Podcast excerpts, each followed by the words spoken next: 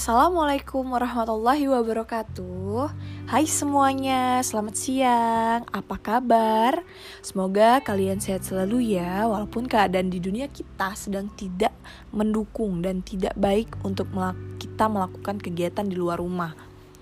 Ya, walaupun sekarang sudah mulai bisa Tetapi kita tetap harus menjaga protokol kesehatan agar kita tidak terkena dan terhindar dari hal yang tidak baik untuk kesehatan kita dan kita sama-sama berdoa ber semoga cepat pulih dunia kita agar kita bisa beraktivitas dengan bebas tanpa merasa takut. Nah, kita akan membahas tentang life plus atau rencana hidup. Pasti kalian tidak asing lagi dong mendengar tentang ini. Pasti setiap manusia itu mempunyai keyakinan dan kemampuan untuk melaksanakan impian-impian yang sudah dia rencanakan sejak jauh hari. Impian orang berkembang seiring kebutuhan dan realitas yang dihadapinya. Dia sadar bahwa dengan ketekunannya dalam tujuan itu dapat berbuah impian yang diinginkannya. Tidak peduli seberapa besar atau kecilnya mimpi kita, semuanya ditentukan oleh faktor kuatnya keinginan. Manusia hidup di dunia ini haruslah mempunyai tujuan. Manusia yang tidak memiliki itu, semua akan bingung menjalani hidupnya. Impian bagiku sendiri itu mempunyai arti sebagai harapan seseorang akan masa depannya. Impian juga mempunyai arti yang berbeda bagi setiap orang. Banyak yang beranggapan impian adalah sebuah mimpi yang sangat sulit diraih. Sebetulnya hal tersebut tidak keseluruhan benar. Karena sebuah impian pasti bisa diraih apabila kita berusaha dengan sungguh-sungguh agar tercapai. Ada yang menganggap impian hanya mimpi belaka, tetapi ada juga orang yang menganggap sebagai tujuan hidupnya. Mempunyai impian dapat memberikan semangat kita untuk melangkah maju untuk melaksanakan kehidupan sehingga bisa menjadi pengembangan diri kita.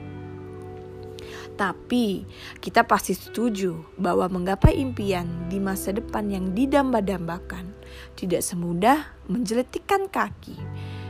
Banyak rintangan yang harus kita lewati. Nah, ngomong-ngomong impian, impianku sendiri uh, sebelum saya menceritakan impianku, perkenalkan dulu nama saya Diana Tasya, anak kedua dari tiga bersaudara, umur saya 19 tahun dan sekarang saya sudah berkuliah di Universitas Sriwijaya di jurusan Teknik Kimia.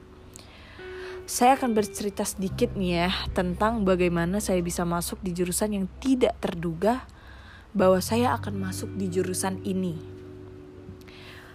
Nah, dari kecil saya sudah diberi pembicaraan yang cukup serius oleh ayah saya sendiri, yang di mana dia selalu memberikan pandangan tentang hidup di masa depan, itu tidaklah mudah untuk kita raih. Dia selalu menyuruh saya untuk menentukan target di dalam hidup. Umur saya harus kuliah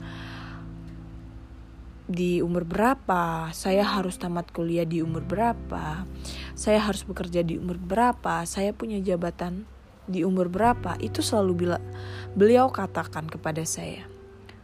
Cukup sulit dan banyak tantangan di hidup saya untuk menggapai yang saya inginkan. Contohnya, pengalaman di diri saya sendiri. Di saat saya tamat sekolah, saya ingin masuk di universitas di sebuah kota Jogja ya. Di jurusan yang banyak orang minati, yaitu jurusan teknik sipil. Karena dari SMA saya sudah mempunyai planning sendiri untuk mengejar dan berusaha belajar supaya masuk di jurusan dan universitas tersebut.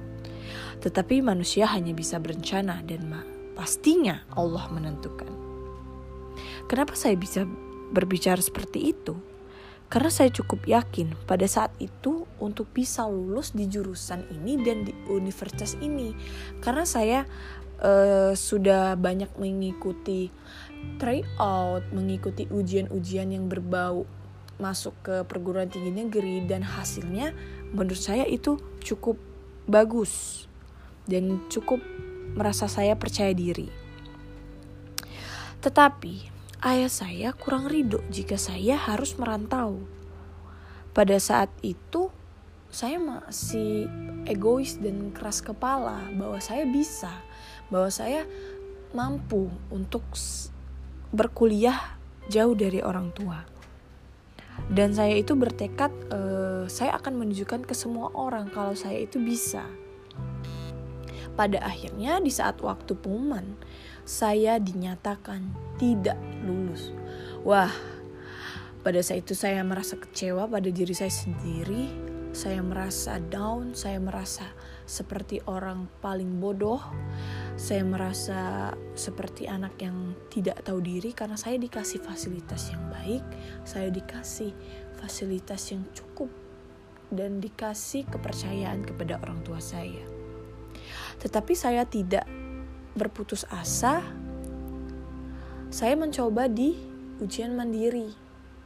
Dan di ujian mandiri pun saya dinyatakan tidak lulus. Saya tahu pada saat itu orang tua saya berharap saya kuliah, tetapi saya keras kepala untuk memilih uh, lebih baik saya gap year terlebih dahulu, saya belajar lagi di sebuah bimbel. Jadi orang tua saya mengizinkan saya untuk uh, nganggur setahun nih. Di tahun kedua, saya mengikuti penerimaan mahasiswa dan saya memilih di jurusan dan univ yang sama dan untuk kedua kalinya saya dinyatakan tidak lulus. Pada saat kejadian itu, saya hanya benar-benar pasrah dan tidak tahu apa yang harus saya lakukan. Setelah itu, saya mengikuti ujian di tiga universitas, di Palembang, di Lampung, dan di Semarang. Pada saat itu, saya merasakan uh, keluhan dan putus asa Makanya saya serahkan kepada ayah saya untuk memilih jurusan apa yang akan saya ambil di di universitas ini ya. Dan ayah saya memilih jurusan teknik kimia di ketiga-tiganya univ tersebut. Walaupun ya hati saya masih belum ikhlas dengan jurusan yang bukan yang saya inginkan awalnya. Di hari pengumuman, saya masih takut untuk membuka karena ada masih rasa cemas, takut. Tetapi orang tua tetap memberikan support yang kuat. Singkat cerita, saya lulus di ketiga univ tersebut dengan jurusan yang ayah saya pilih. Wah betapa tak kagetnya saya dilulus tiga universitas sekaligus dan di jurusan yang bukan impian saya sebenarnya.